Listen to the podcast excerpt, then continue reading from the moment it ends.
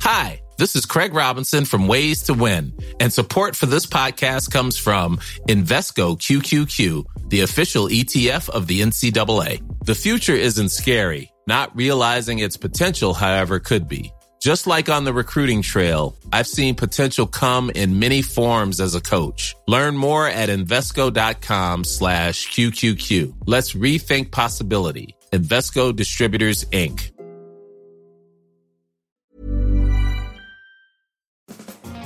Och det var skåpet hjärtligt, hjärtligt välkomna. Er, ja, jag skulle nog sitta i Qatar och referera fotbollsmatchen, men det gör jag inte med den här rösten, utan jag sitter och eh, jag öppnar skåpet. Cecilia Blankens, där ligger du i Enebyberg. Ja, det gör jag, nerbäddad. Det är så jävligt kallt! Uh! Är det? Ja. Ja, Jag tycker däremot att man känner, eller min hjärna känns, alltså det känns som att det är senare i december än vad det är. Det känns som att min hjärna inte riktigt hänger med och att, eh, att det är en, ett, ett kaos som pågår. ja, det är kul att du alltid separerar dig själv från din hjärna. För du är ofta så relaterad, nu är min hjärna lite som om den vore liksom ett eget litet husdjur Den som är bara det. höll hus inne i dig. Känner ni att ni hör ihop, alltså att hela er, era kroppar är unifierade eller vad man ska säga? Att allt hör ihop? Jag tycker att det är, jag tycker ofta att jag rör mig liksom Ja men du vet, vad är det? Det är någon sån här animerad film typ där det är en liten minihjärna som sitter och styr en robot. Ja. Vet ni vad jag menar? Jag ser den framför mig. Att det är liksom, visst det finns en, en kropp som går runt och fungerar och kan småprata om man möts på stan men sen är hjärnan någon annanstans smider planer.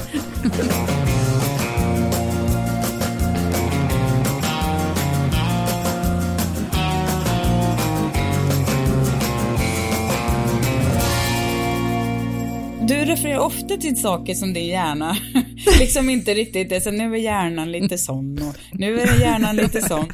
Bara, det är du, det är inte din hjärna utan Ja. det, det är du. Men Ja. det är väl härligt kanske att man kan separera sig så att inte hela eh, jaget behöver ta smällen liksom. Om, man nu, om hjärnan är lite Eh, trött så är det väl härligt att inte Ja. hela skiten behöver liksom få Ja, men skit, det är ju, alltså nu när jag tänker på det, det är ju smart, det kan ju vara så att hjärnan har fel ibland. Och det måste man ju kunna konfrontera den med liksom. Och vara sådär att nej, nej, nej, det du vill nu är fel.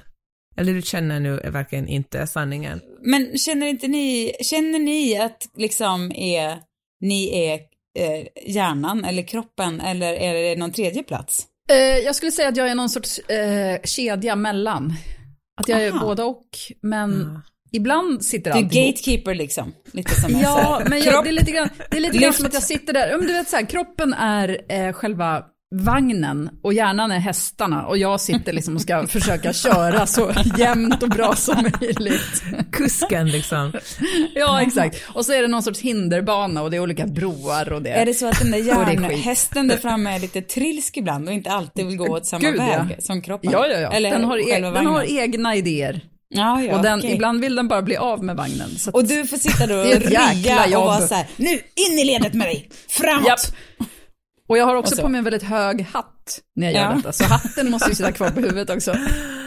Vilken otroligt bra introduktion av dig Johanna. Alltså, Ja. Ja, välkommen, välkommen. Jag tänker nog att jag är lite mer, ehm, liksom, som en liten så här, ett litet så här naket djur i bröstkorgen typ. Jaha. Ett litet så här nyfödd kattunge typ, alltså sån touch and feel som man tänker sig att en nyfödd kattunge har, så här rosa. Då ligger Va? jag liksom inne i bröstkorgen och, eh, ja. Och bara försöker lära dig att andas. Ja, fast det är så här, exakt så där beskriver Gud, du också snoppar som ett litet naket djur.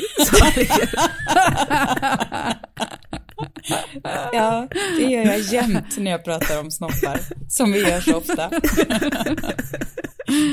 Vad roligt, för jag hade mer sett dig som en så här ilsken bäver som bara fäller träd och fixar och donar och, och jo. runt. Bygga Jag dammar. ser inget litet naken kattunge i dig. Nej, nej men det, det blir ju den konsekvensen ofta. Men längst inne där, när allt annat är liksom Mm. avskalat, när jag är i Kinnekulle och liksom, då är det som en liten så här, ganska belåten liten nakenrosa varelse som ligger inne i bröstkorgen och bara myser. Sen får den ge Mm. på, ta på sig liksom riddarrustningen ut och fightas och sådär. Peppe, var befinner du dig i din kropp? Alltså min, jag vet ju ingenting om min kropp liksom. Det, Nej. vi har väldigt dåliga Liksom, alltså vi kommer överens bra, den är ett, liksom ett, men det är som en bil ungefär. Jag vet liksom inte så mycket om hur den fungerar, men den fungerar. Men, alltså, Den bara men är. Den bara är, och den gör saker för mig, men uh, jag kan liksom inte läsa av den, för jag fattar liksom inte när det blinkar röda lampor vad jag egentligen ska göra då, utan då försöker jag bara... Du sparkar på den lite bara. Ja, Tills den funkar igen. Du bara blundar och gasar. Mm. Ja, skjuter upp reparationen. Ja, men det är bra, en, en durabel bil ändå, måste jag säga. Hörni, jag har en fråga. Den här, det här känns inte som en fråga som vi brukar diskutera i den här podden. Just därför tänkte jag att det kanske är intressant. Mm. Vilken julpyntstil är ni? För jag tänkte på det här idag för att jag var på, jag du vet, har för lite julpynt. Man vill ändå att det ska kännas jul nu. Känner absolut inte att det är jul. Men jag är samtidigt, jag har insett att jag gillar inte någonting där, där det är för tydligt att det hör ihop med jul. Men du vet, på samma sätt som man inte, jag skulle inte vilja ha en skål där det står popcorn, eller du vet, ett Nej. tag så var det, typ på 90-talet så var det så att det skulle Ja. stå en liten skål där står det avokado, och så var det till för avokado, och så smågodis och sånt där. Och på samma sätt har jag nu blivit mer och mer eh, allergisk mot sånt. Så du ska sorts- ha så här, säg att det är jul utan att säga att det är jul. Exakt. Julpynt. Ja. Exakt. Men Hur svårt är inte är det? det? Vad är jag det då? vet. Ja men det måste ju ändå, alltså gran och sånt där, absolut. Och lampor och ljus och ljusslingor. Och viss del av rött. Men inte, men inte Mm. rödrutigt med ett broderi på. För då bro, broderiet blir jul. Men rödrutigt ja. Nej men du vet det är svårt. Och då tänkte jag, vad har ni för stil i det? Hur tänker ni? när jag var, Magnus var, åkte iväg till Hawaii, jag var där i tre dagar för i helgen och då tänkte jag att eh, nu ska jag göra det som han ibland gör för mig, överraska honom med att ha julpynt när han kommer hem, för han tycker det är så otroligt mysigt med julpynt. Och så vill han, så att, och då tog jag fram, vi har haft en, för många år sedan köpte vi en plastgran för att vi hade fått för oss att det är miljövänligare. Och jag tycker så synd om granen alltid när den dör när man tar in den.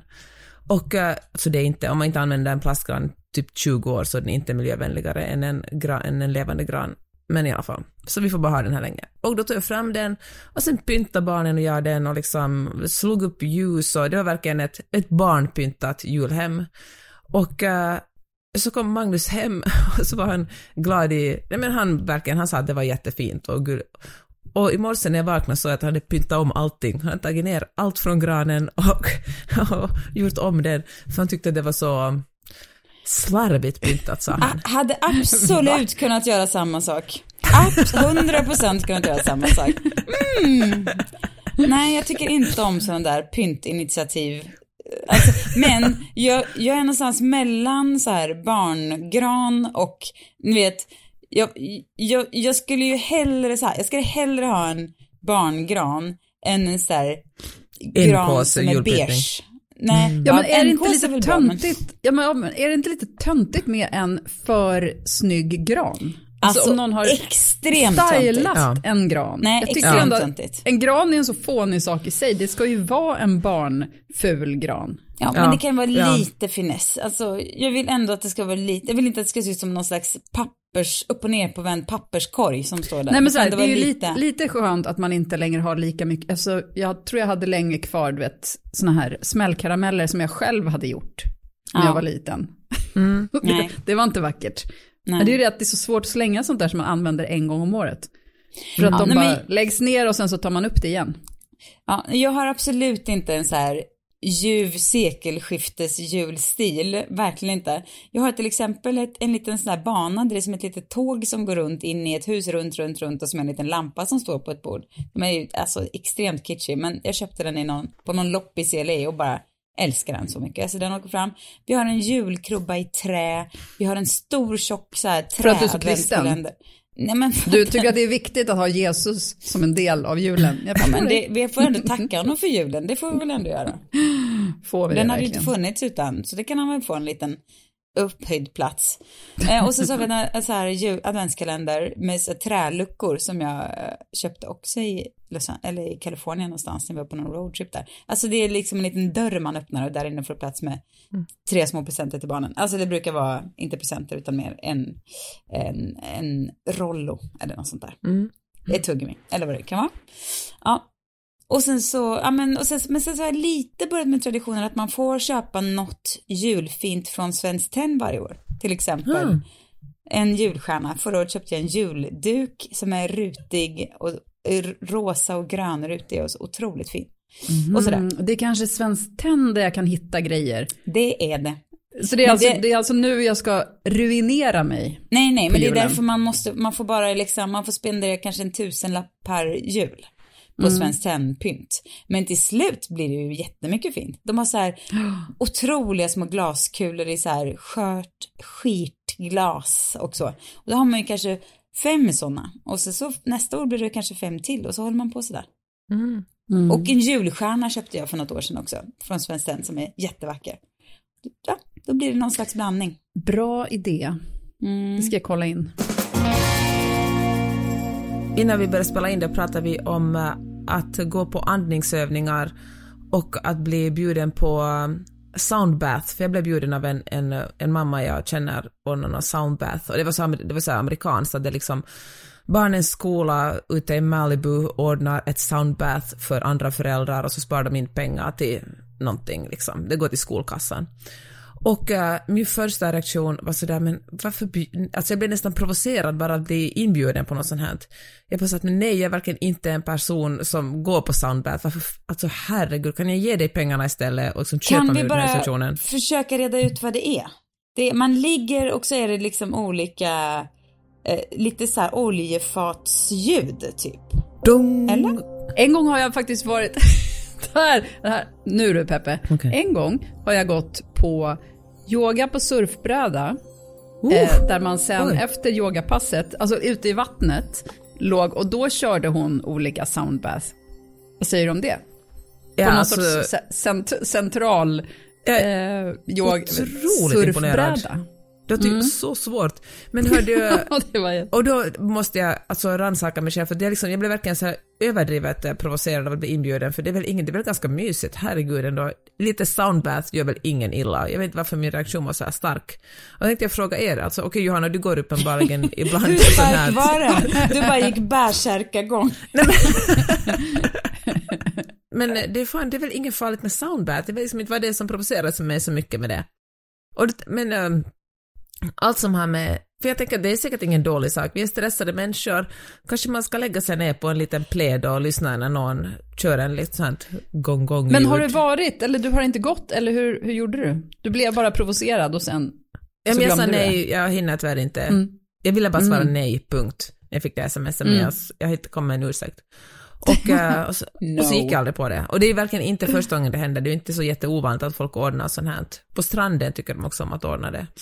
Men eh, jag vet inte, jag tror bara att eh, det är någonting i mitt extremt pragmatiska, liksom här, nord, min nordiska, eller kanske till och med finländska identitet som eh, har svårt för det. Och jag tänker att jag kanske bara borde öppna upp lite mer mot den delen av mig själv. Sånt som man känner att provocera den jättemycket ska man kanske bejaka och försöka ta reda på varför det är så. Ja men exakt, det är lite grann så jag känner. Alltså jag har inte gjort sånt här mycket. Och, och det här att jag gjorde den här yogan på surfbrädor.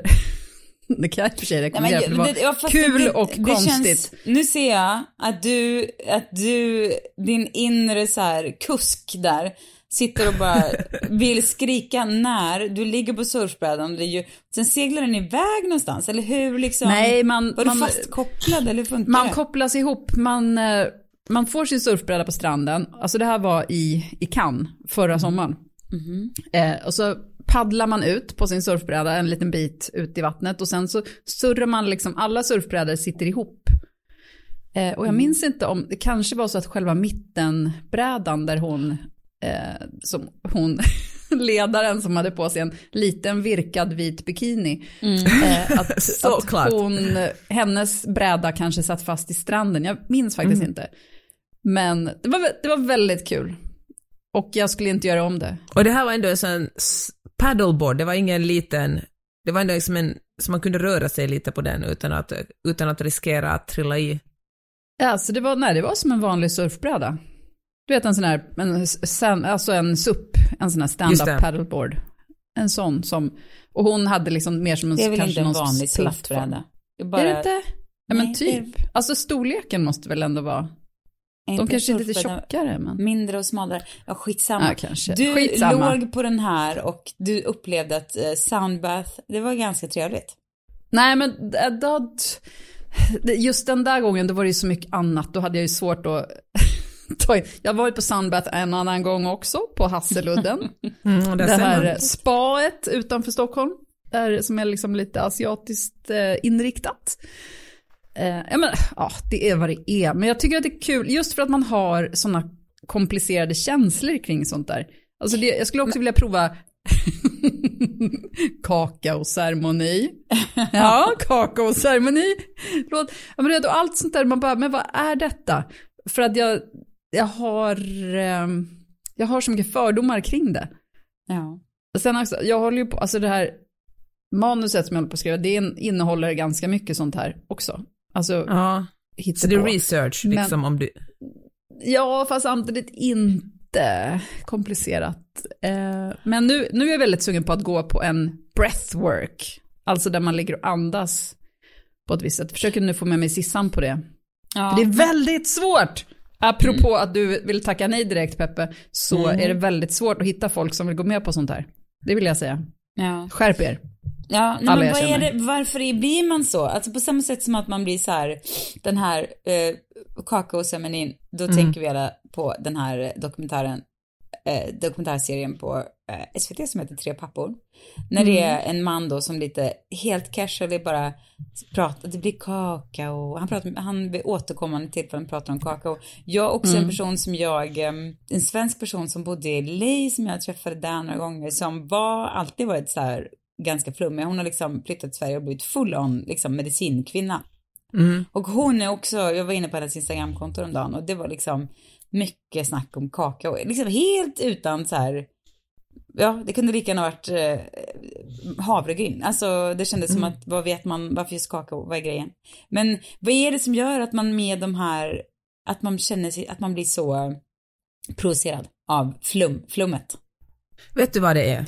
Nej, berätta. Alltså, det här är min, eh, alltså inte, vi kan tala lite mer om tre papporna för att bli så provocerade av det, men eh, det handlar lite om en, generellt kakaoceremonier och eh, uh, soundbaths och breathwork. Det handlar om att inte själva utförande av det och det som folk, utan det är människorna som gör det och ens fördomar kring de människor som blir besatta av nej men att göra breathwork och kakaoceremonier, för det är liksom som om de skulle lajva Alltså det är någon slags kulturell appropriering eller man är liksom väldigt, man måste vara ganska rik oftast, eller alltså rik i jämförelse med därifrån de här eh, traditionerna kanske kommer, ha möjlighet att åka till Guatemala eller vad det nu kommer de här kakaoceremonierna.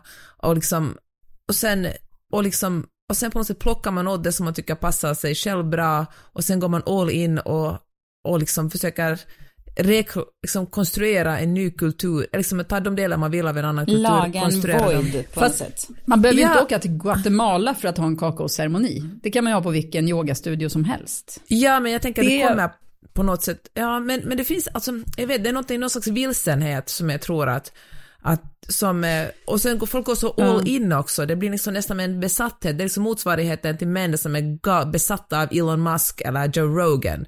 Det här liksom Men kvinnorna, är det inte liksom själva vilsenheten och just sökandet? Att, att det Ja, visar på någonting fast, alltså som jag samtidigt, och det är ju hemskt för det är ju, alla är vi väl vilsna. ja men exakt och då är det väl så här, för det är det som jag tycker var så intressant med den här tre papper-grejen, att, att det är som att, just eftersom den har provocerat så mycket och växt så mycket diskussion, att, och det är ändå det allra mest basic som de håller på med, det är som att det allra mest basic har blivit den mest provocerande subkulturen. Att vilja vara en bra pappa ska vara tydlig, eller så här, på det sättet som de vill vara papper. Att det är, Fast det handlar väl ganska lite ändå om barn, det handlar ju bara om dem själva liksom. Det handlar ju bara om att, äh, vem de är. Jag tänker som den pappagrejen är att vara, alltså, det är ändå ganska lite snack om deras ungar och liksom hur man ska vara som pappa, utan det är ju mest hur man ska vara som, ja men i sin egen vilsenhet. Det handlar om som de som personer, Ja, inte men det är ändå sen när de ska tala till sonen för att han och, och mamman har flyttat isär och... Ja, Jag vet Känns som, Vet ni vad jag tänkte när jag såg det förresten? Jag tänkte att en stor del, alltså jag tror att folk i Sverige blir så otroligt provocerade av den för att eh, delvis för att det är så här som, eller så här ser finländare på Sverige, alltså tre pappor. så här föreställer vi oss att alla svenska män är. Ah. Och alla, alla svenskar ser så här på Stock- stockholmare. Exakt, jag. ja. ja. Mm. Så det, det finns i flera led. Och alla stockholmare ser så på Södermalmsbor. Ja, och, sen, och sen fortsätter Och alla det liksom. Södermalmsbor ser så på folk på... Söder om Söder, kanske. Ja, och sen till sist har man kommit ner till de här tre individerna liksom. Ja. ja, nej men alltså, det är ju, det, alltså, alla har väl hört om den här serien nu, men har man inte det så är det alltså, det handlar om, det, var, det är tre väldigt soft, mjuka killar. Som, ja, papp, men det lustiga är också att de har varit pappor i fem minuter ungefär. Så att det är Ja. så, men det är för sig, det är kanske då man är extra förvirrad. Ja, men det är väl inte så Ja. konstigt. Tänk på alla mammor som ska hålla på vet, skriva i familjelivsforum Ja. när det är men olika... kanske det. Ja, men du vet, vilka är de vanligaste symptomen för att ägget har fäst? Typ. Jo, men då handlar det ju om, men, men då handlar det ju om, alltså kanske barn och så, men det här är ju liksom en papparoll som man ju vet väldigt, väldigt lite om egentligen när man har varit pappa i Mm. Jo, liksom, men det, jag tycker inte det är konstigt, för jag tycker att, alltså om man tänker hur unga kvinnor ofta är, eller som, som tar mycket plats i, eh, i sådana här diskussionsforum och sånt, Mm. hur de är, då är det klart att killarna måste få vara så här också. Tänk Ja. om man skulle bara tillåta de här galna mors, morsatyperna. Ja, fast jag vill ändå hävda att killar, hur mycket de än vill så ligger de ju minst ett år efter mamman i mental utveckling när det gäller barn. Så egentligen har de ju varit gravida i typ tre veckor. Alltså det, det går ju, de kan ju Ja, inte vara med men- i processen på samma sätt som en kvinna. En Men det- kvinna lever ju i det. De Nej, såklart. Inte. Alltså, de, den finns ju i kvinnans kropp, men om man som man har velat, alltså det är väl, det är ju som att du skulle säga att en, ett lesbiskt par, alltså vem är mest, du vet, eh, känner inte den ena föräldern lika mycket för barnet som ska komma? Men jag säger Alltså, inte att de bara känner mindre, jag säger bara att det är en annan process som är liksom lite efter, efterkälken, än när man har barnet i sin kropp. Alltså jag säger inte att det är en fel Ja, process, men att den är liksom, Mm. det, den kanske börjar lite senare liksom. Ja, jag känner att jag blir en sån här som säger inte alla män, men jag tänker bara att det är väl olika för olika personer. Alltså alla Men, ja, gravida din känner ju inte på samma sätt. Alla gravida är ju inte de som bara så här, åh, Nej. här kommer modern. Jag säger bara, jag generaliserar för det får man väl göra. Alltså jag tror att ofta säger så här, jaha. Mm. Nej, där alltså, sätter jag ner min fot. Jaha. Inga generaliseringar från mig, någonsin.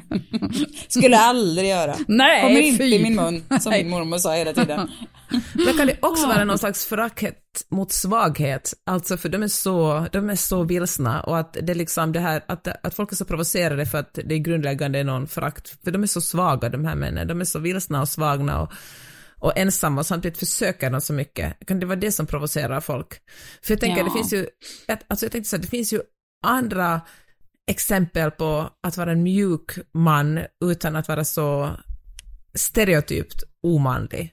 Alltså, eh, alltså jag satt låg igår i badet och tänkte på vad finns det för män i offentligheten som är verkligen super, som traditionellt manliga men ändå har en väldigt så här mjuk aura. Och Jason Momoa, det är väl en sån. Ja, verkligen. Och det är ju så exempel. Jag vet sexigt. inte, jag har ing... På vilket sätt är han mjuk? Ja, men han pratar ju väldigt mycket om inkludering och liksom antivåld och, och liksom så här feminism och... Hur, Han är inte en machokille. När hör man honom? Alltså jag har aldrig hört någonting om honom. Var, har ni, var hör ni detta? Nej, Var säger han det? Följer ni honom på. Insta eller? Nej men alltså, jag kanske gör det. Alltså...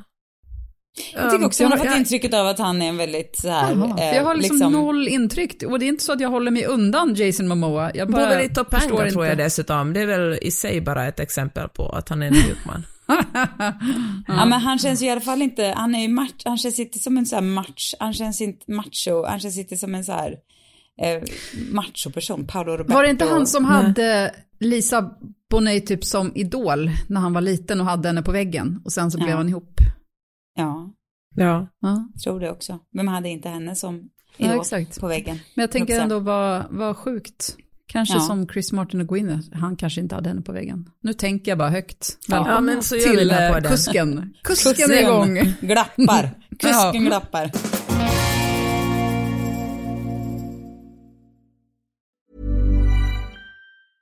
Hiring for your small business? If you're not looking for professionals on LinkedIn, you're looking in the wrong place. That's like looking for your car keys in a fish tank.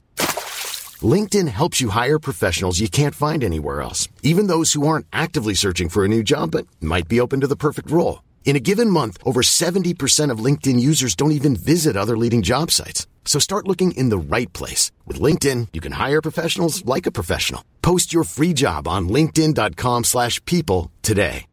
Hey Dave, Yeah, Randy. since we founded Bombus, we've always said our socks, underwear, and t-shirts are super soft. Any new ideas? Maybe sublimely soft. Or disgustingly cozy? Wait, what? I got it. Bombus. Absurdly comfortable essentials for yourself And for those facing homelessness. because one purchased equals one donated. Wow, did we just write an ad? Yes. Bombas. Big comfort for everyone. Go to bombas.com slash ACAST and use code ACAST for 20% off your first purchase. Nu får jag säga en annan sak om tre pappor som provocerar mig, som inte har med svaghet att göra, men som har med, men som ändå är en, som visar hur liten, att jag är en liten människa. Men att de pratar dålig engelska hela tiden. Jag känner Ja, mig, nej men gud, det är, ju, herregud.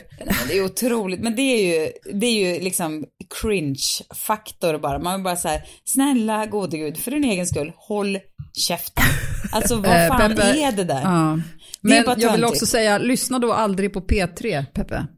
Nej. För där ska du få höra Jaha. engelska. Ja. Gud, jag har verkligen Det- förvandlats Men till min vad då egen tänker pappa. du på typ Kodjo eller vem menar du? För han pratar Nej, ju engelska. nej Men Kodjo är ändå bra. liksom, han, ja, fast han, så han pratar ju väldigt mycket engelska. Men, Ja. nej, men alla, lyssna liksom bara en, inte min vän Garplind i och för sig kanske, men eh, nej, jag ska inte nämna några namn, fast det är väldigt många P3-programledare som liksom lägger in, jag tror att det har börjat med att Kodjo har gjort det och sen har liksom andra tagit efter för att de tycker att ja, men det är så här vi låter på P3.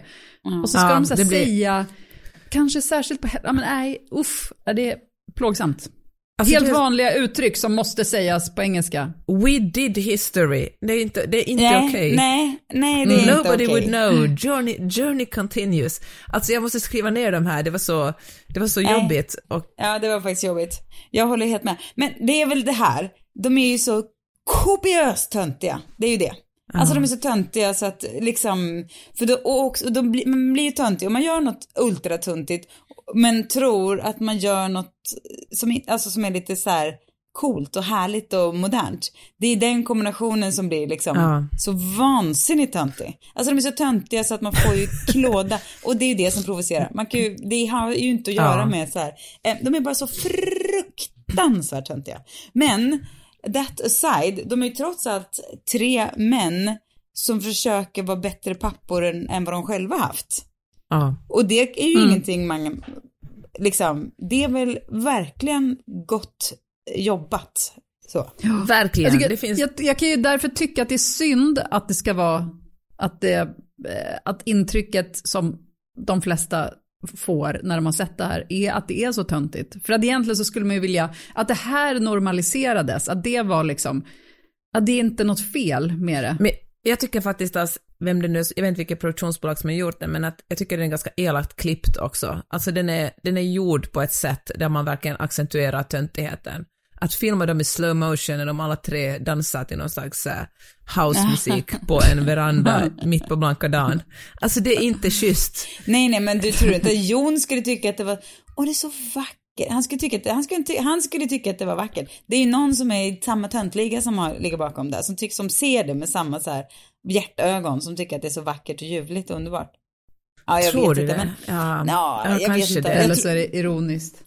Ja, men alltså, som sagt, man, man får ju ändå så här, det är väl jättebra att de, även om jag- man, ver- liksom grundkänslan hos mig för hela den här sortens personer är ändå, de, alltså, så här, män som liksom tar yoga på lite för stort allvar, som går på breathwork och har kaka och ceremonier är ju så här, det finns ingen människosort jag litar mindre på och det är inte för att jag nödvändigtvis har rätt i den känslan utan för att det bara är, det är förvirrande med de här liksom olika, eh, det här liksom det här uppenbara liksom sökandet som man försöker liksom dölja med någon form av Exakt. liksom flummighet. Ja. Som gör att jag får opolitlig alert-lampa. Kanske det också en quick fix. Det känns som att man tror, den här personen kanske tror att de är färdiga vid kakaoceremonin eller Ja. soundbathet. Och då har de liksom, och sen behöver de inte ta desto större intellektuellt ansvar över vad de sysslar med.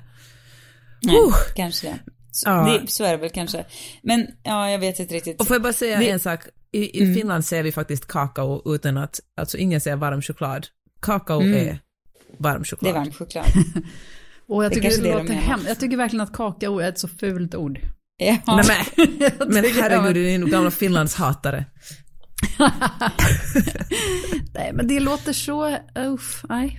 Ja, jag stör mig också på det ordet. Jag kan Ja. säga det bara. Jag stör mig på det ordet. Det är, det är Kakao som ordet då? måltid för mig. Ordet måltid, det gnager i mig. På ett hemskt sätt. Usch. Kakao och måltid. När Per fler, säger matsäck, då vill jag ta fram rivjärnet och köra det hårt i hans ansikte. Riv eller krog? Vem fan säger matsäck? Ibland säger han också kautschuk. Då är jag så rosenrasande. Det är helt sjukt. Det är som att han vore 85. Och... Matt. Men mattsäck finns det faktiskt ingen förklaring till varför man ska säga. Nej, exakt. Vad säger man då? Matsäck Ma- i så fall. Matsäck, eller matsäck, Matsäck. möjligtvis. Ja. Matsäck. Mattsäck. Matsäck. Det är bara om man har en säck gjord av matta. Då kan man prata om det. Han är säkert fylld av mattor, möjligtvis. Nej, fy. Okej, okej. men eh, vad heter det, de här papporna, jag, jag, jag tycker, vi, samtidigt så, vi kan ju inte vara så här kvinnor att vi är så här, nej men, men ni måste liksom bli lite mer som oss, skärp er, ni är mycket trevligare om ni blir lite mer som oss. Och sen så fort de gör ett ärligt försök och liksom mjuknar till lite så bara, det blir ju också jätteknepigt alltså. Men Exakt. jag, jag, jag tycker ju att den bästa mannen är en man som kan vara man på sitt sätt, men På det sättet som du tycker. det. Lite om jag bara kan få. Nej men man kan ju vara liksom en manlig man men, men ändå vara smart bara. Man behöver inte vara ett as för det. Var en man men don't be a dick liksom. Det är väl Läs en bok. Läs en bok, var lite trevlig, tänk på något annat än dig själv eh, och så vidare. Det är Ja, det kan- enkel, ja. vanlig enkel. Man behöver inte ens vara manlig, man, man får vara vem man vill, men man behöver liksom inte anstränga sig så att det liksom knakar för att vara mega mjuk, för det blir liksom bara charad. Det blir en performance. Ja. Men hörni, vad tror ni, vad skulle, skulle vi prov, prov, om säg att SVT gjorde så här, tre mammor, en serie, och där det var mammor som skulle liksom på något sätt i sin mammaroll spårade de ur och blev så ultramaskulina för att på något sätt eh, hitta sin mammaroll. Så de åkte iväg på läger och bara vrålade i skogen och rev sönder skjortor och liksom högg ved och liksom spräckte, ja, Drack sitt eget blod. Ja. Ja, precis. Skulle vi, och gjorde det med helt självklarhet som att det var så här, mm, ja, alltså ut, okommenterat bara. Att det var så här, sån är vi. Skulle Allt, vi bli provocerade av allt det sånt också? där, ja det skulle vi. Och vi skulle, alltså vore det, vore det tre mammor bara i den här, att det, alltså du vet, mammor som letar efter sin, det skulle man också provoceras av. Ja. Nej, fast Alla inte... sådana här specialgrejer blir ju provocerande. Fair enough, men jag tänker så här, eftersom det som det, som- det traditionellt manliga ändå alltid har högre status än det traditionellt kvinnliga, så skulle kvinnor som dricker blod och hugger, eh, som vad, hugger ved i skogen med topless, skulle ändå vara lite coolare än män som gråter och, och liksom eh, häller upp kakao åt varandra.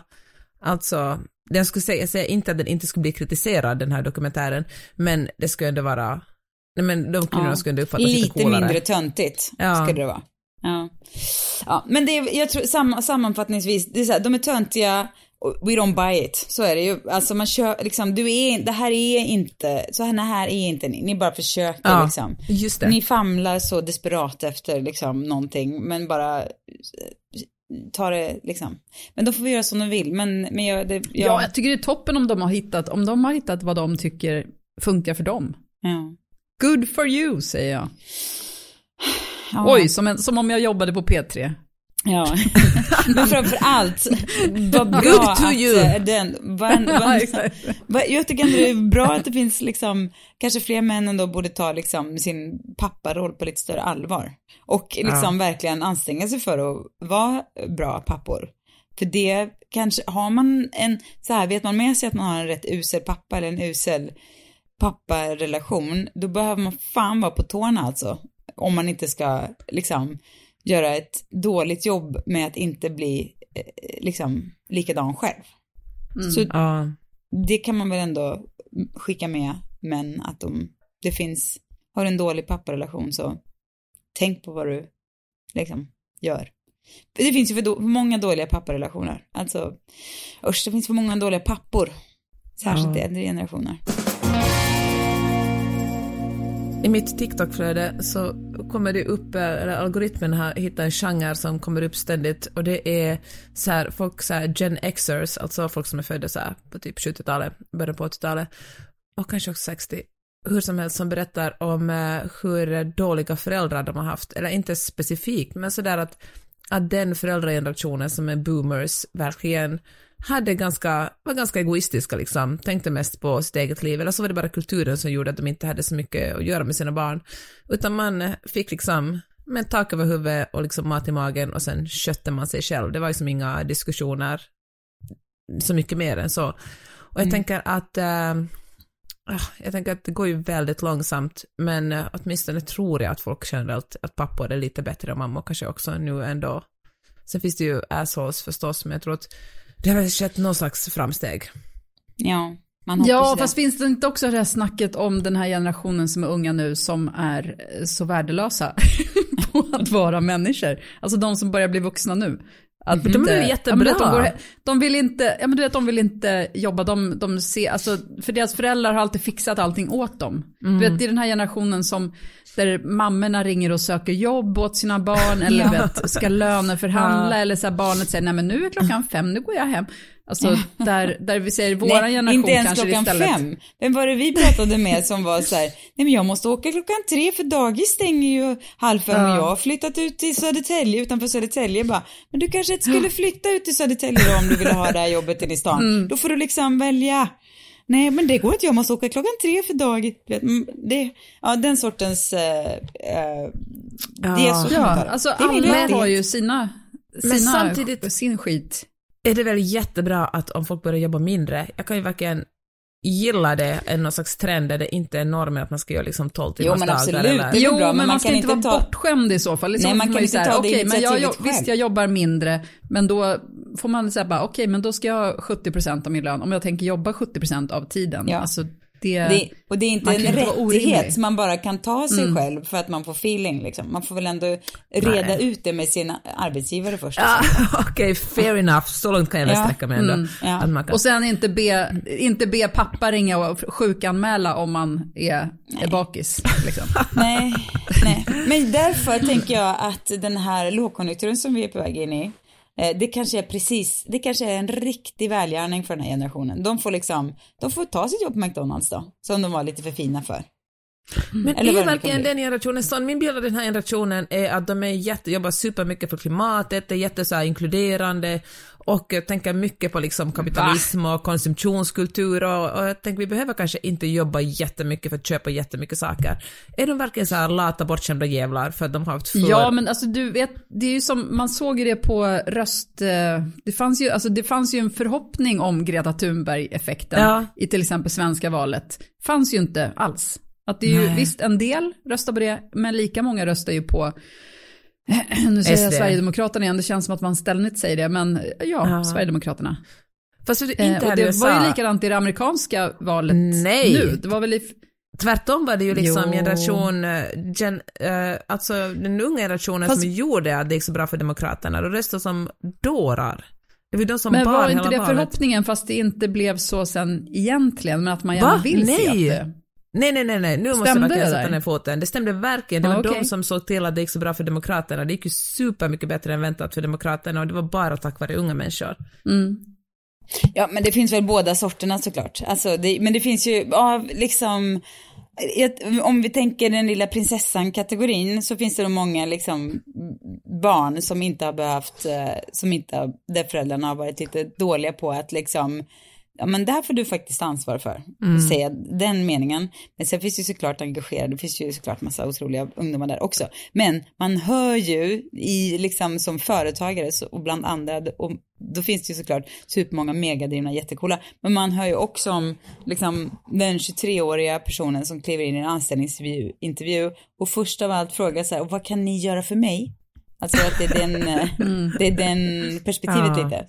Man är väldigt medveten om sitt värde och det är ju fantastiskt. Men man måste också fatta att, eh, ja, man behöver kämpa, att kämpa för saker är inte liksom psykisk ohälsa. Nej. Det är mm. så det funkar. Alltså, livet, även, liksom. även, att man har, även om man har fått höra hela sitt liv att åh, älskling, du är bäst av sina föräldrar, så betyder det inte automatiskt att man är bäst när man kommer till en arbetssituation. Alltså mm. att man kanske måste anstränga sig, man är inte bara jätte, jättegullig oh, och duktig. Nej, precis. Och den, nu bara det här, den sortens person som också som man halkar in på olika sociala medier som är ganska unga och som är så här, oh, jag är perfektionist och man vet att nej, det, det är du med all sannolikhet absolut inte. Du är bara, alltså de är folk som säger att de är perfektionister, då, då där känner jag, det blir man, eh, där känner man att man blir nervös. Men vet ni vad jag gjorde igår hörni? Nej. Jag klädde på mig, jag, liksom, jag är ju så avundsjuk på er när jag kollar, jag följer ju er såklart väldigt intensivt på alla sociala medier och ser att ni är snygga hela tiden och går på fest och träffar folk. Det är ju aldrig jag, det enda jag träffar är min surfbräda, några hästar och ofta smutsig. Men igår gick jag på bio och då passade jag på att klä upp mig lite. Oh, wow. Sminka mig och uh, Ja men eh, det kändes så bra. Alltså, bra story Peppe. Ja. Bra story. Vilken grej. Var du på toa också?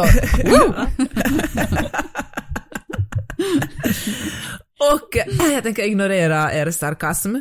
Men ja. jag åkte ända in till eh, Westwood och gick på iPic, den där mysiga biosalongen. Ja, den är ju för sig urhärlig. Beställa in lite hummus, lite vin, liksom och satt och kollade på, fick en liten filt över knäna och så satt jag och kollade på den här She Said, den här metoo-filmen som handlar om två uh, journalister på New York Times som uh, skriver om Harry Weinstein. Ja, ah, det var så, det kändes så bra, det kändes som jag Ja, det kändes som att jag var en del av samhället, samhället igen. Kan verkligen ja, rekommendera filmen. Jag, eh, den kanske vi ska, jag, vi ska åka till Los Angeles om ett par veckor för första gången sedan vi flyttade hem för tre och ett halvt år sedan. Och nu finns det en liten lista på saker vi liksom inte får glömma att göra. Då kanske iPix ska åka upp på den listan. Ja, kanske du tar mig med? Ja, kanske.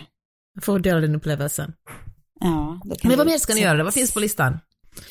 Det finns, eh, det är mycket konstiga saker som att barnen Rio har liksom saknat så här olika dofter och smaker och sånt där. Alltså någon glass på något speciellt ställe där. Eller minns du när vi gick, mm. när man gick in på Whole Foods där, hur det doftade vid liksom, sådana där speciella saker som hon liksom knyter ihop till så här barndomsminnen som hon vill återuppleva.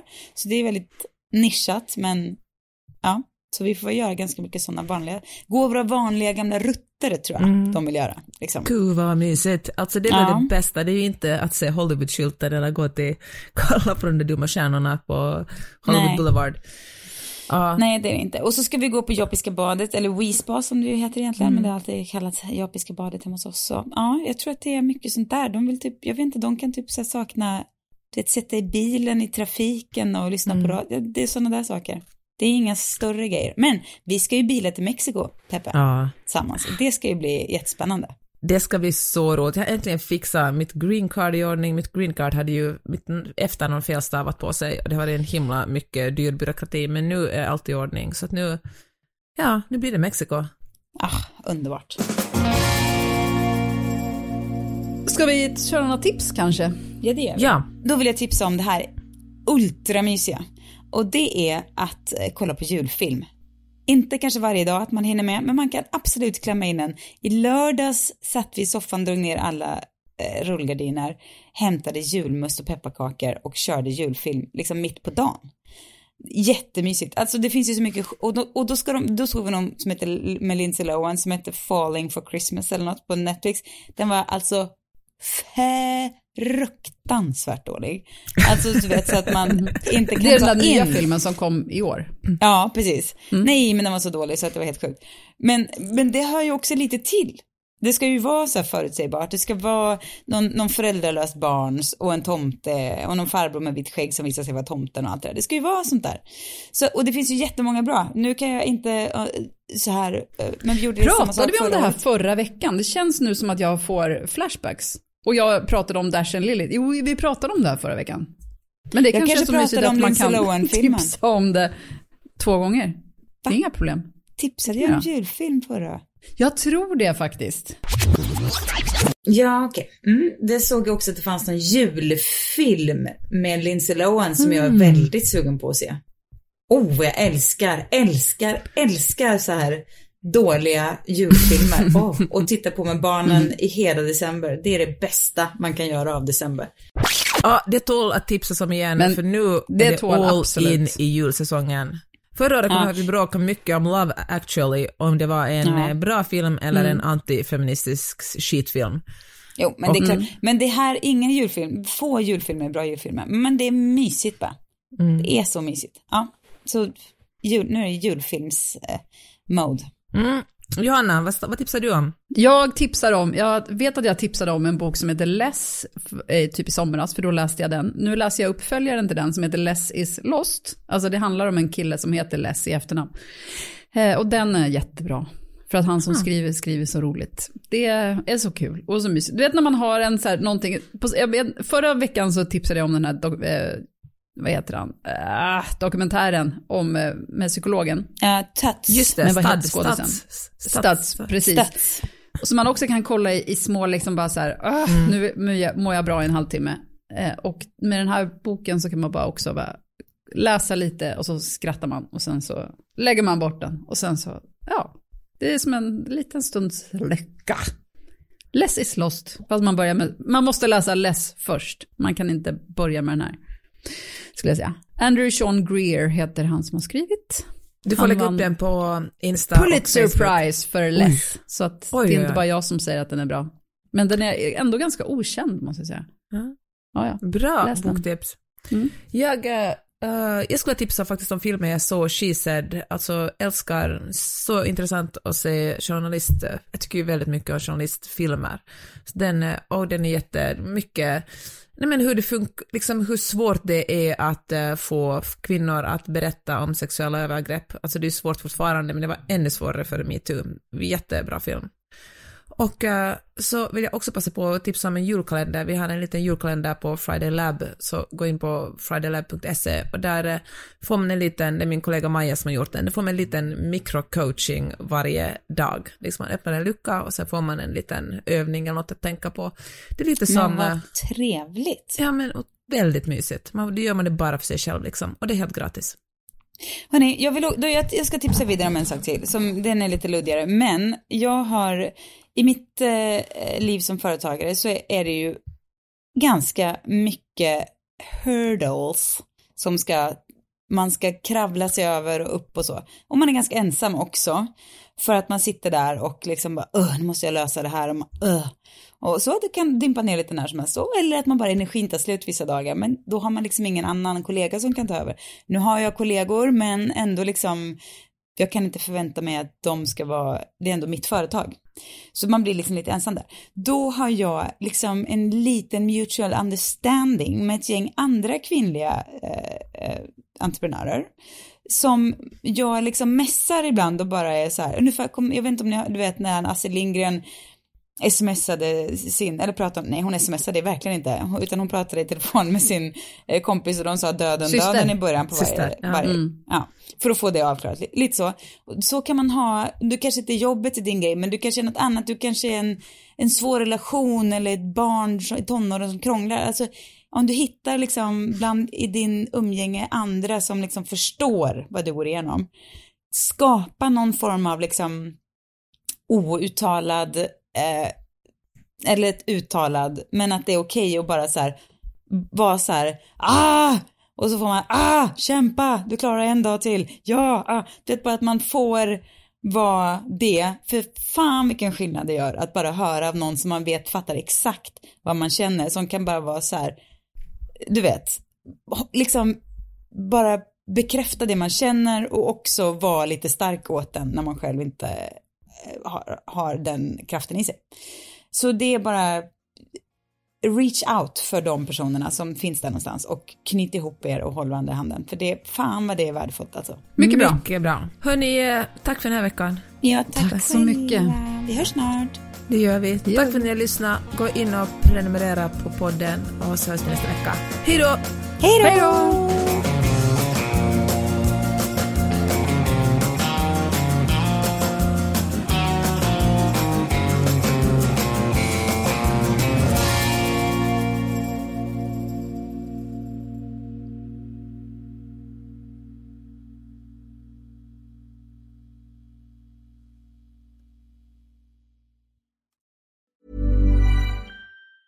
Hi, I'm Daniel, founder of Pretty Litter. Did you know cats tend to hide symptoms of sickness and pain? I learned this the hard way after losing my cat, Gingy. So I created Pretty Litter, a health monitoring litter that helps detect early signs of illness by changing colors, saving you money and potentially your cat's life. Pretty Litter is veterinarian developed, and it's the easiest way to keep tabs on your fur baby's health right at home. Go to prettylitter.com and use code ACAST for 20% off your first order and a free cat toy. Terms and conditions apply. See site for details.